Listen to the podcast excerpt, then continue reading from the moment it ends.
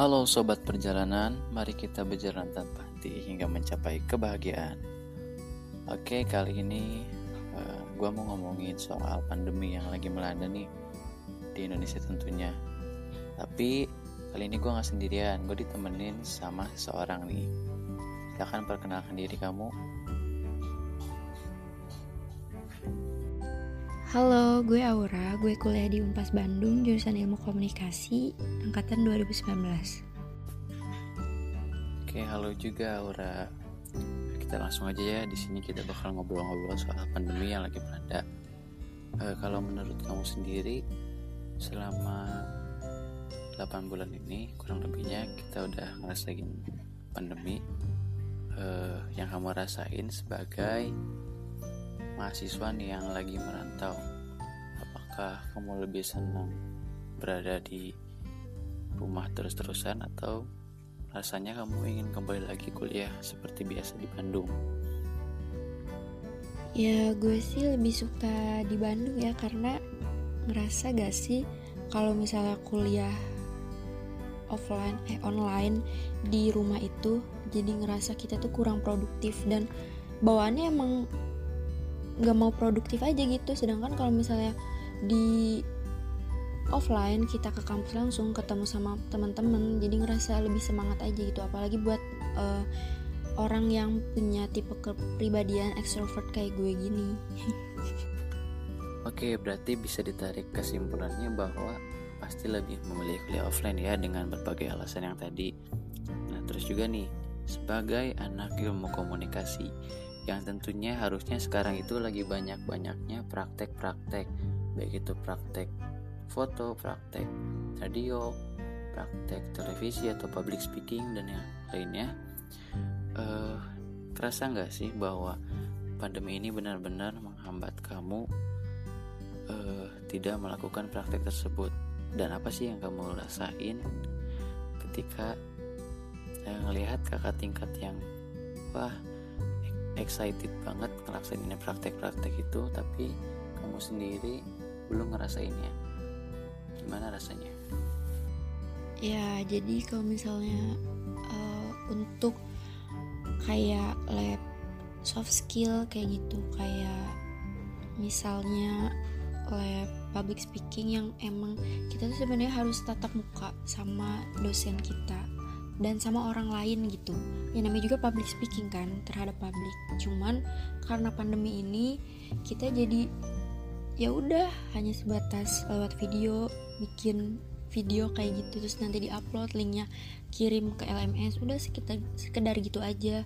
Sedangkan uh, yang semestinya kan kita benar-benar dihadapkan dengan audiens secara langsung gitu kan dan juga misal kayak fotografi. Jadi kita nggak nggak nikmatin fasilitas-fasilitas lab yang sebelumnya padahal kita udah bayar gitu. Kita udah bayar tapi kita gara-gara pandemi ini kita nggak ngerasain fasilitas-fasilitas tersebut gitu. Jadi kayak uh, aduh apa ya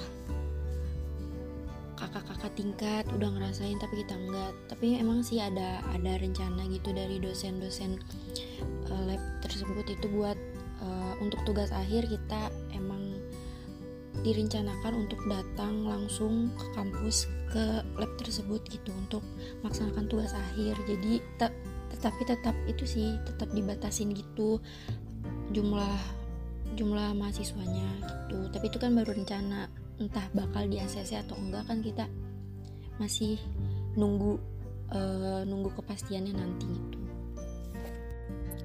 Sedih banget berarti ya angkatan yang pada saat ini harus melaksanakan praktek.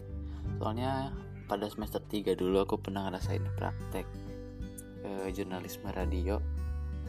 Kita nyobain langsung on air dan rasanya itu wah benar-benar uh, meskipun kaku meskipun mm, nggak mm, terlalu bisa tapi seneng banget gitu bisa nyobain apa yang namanya siaran langsung didengarin sama orang-orang.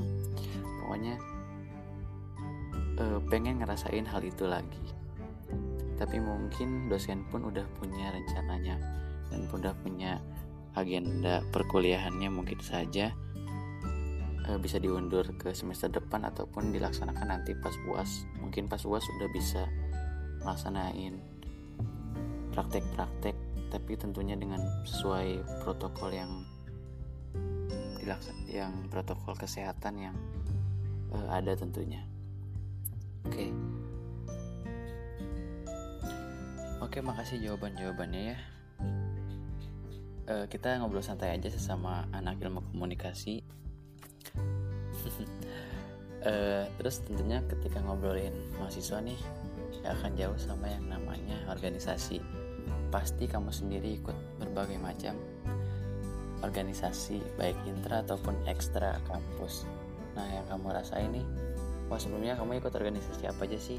Terus yang kamu rasain bahwa saat pandemi ini kegiatan-kegiatan atau program kerja yang harusnya dilaksanain program kerja besar harusnya mengundang masa banyak tapi pada saat pandemi ini nggak bisa dilaksanain gimana rasanya? Ataupun gimana sih eh, kamu menanggapinya? Dan bagaimana solusi yang kamu eh, saranin buat organisasi kamu tersebut? Jadi organisasi ya. Kalau organisasi sebenarnya waktu awal pandemi itu kan gue masih tergabung di himpunan himpunan jurusan gue. Dan di situ sebenarnya masih ada proker puncak yang belum terlaksana. Jadi terhalangi oleh pandemi ini jadi belum terlaksana gitu. Jadi rencananya proker itu tidak dibatalkan tapi hanya ditunda sampai pandemi ini berakhir. Dan kegiatan perkuliahan bisa dilakukan secara normal kembali gitu secara offline. Dan kalau organisasi yang sekarang uh, gue ikutin itu sebenarnya kita punya proker yang emang tidak dari ngebel gitu kalau misalnya bisa dibilang ya. Emang gak bisa gitu kalau misalnya dilakukan secara daring. Jadi kita tetap menunggu pandemi ini selesai dan untuk proker lain yang bisa dilakukan secara daring kita lakukan secara daring tuh dan ini udah dis udah didiskusin gitu sama uh, sama presiden mahasiswanya juga. Kalau misalnya uh, proker-proker yang bisa dilakukan secara daring kita lakukan secara daring terlebih dahulu gitu. Seperti itu sih kalau misalnya solusi emang sudah solusinya ya emang salah satu-satunya ya emang secara daring gitu. Kalau misalnya yang bisa dilakukan secara daring tapi kalau yang tidak ya solusinya kita tunggu aja sampai pandemi ini berakhir gitu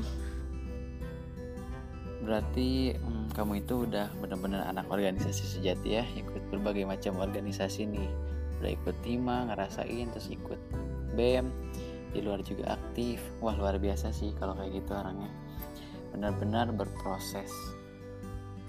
Ciri-ciri orang yang berproses adalah mau dan terus konsisten dalam mengikuti berbagai kegiatan.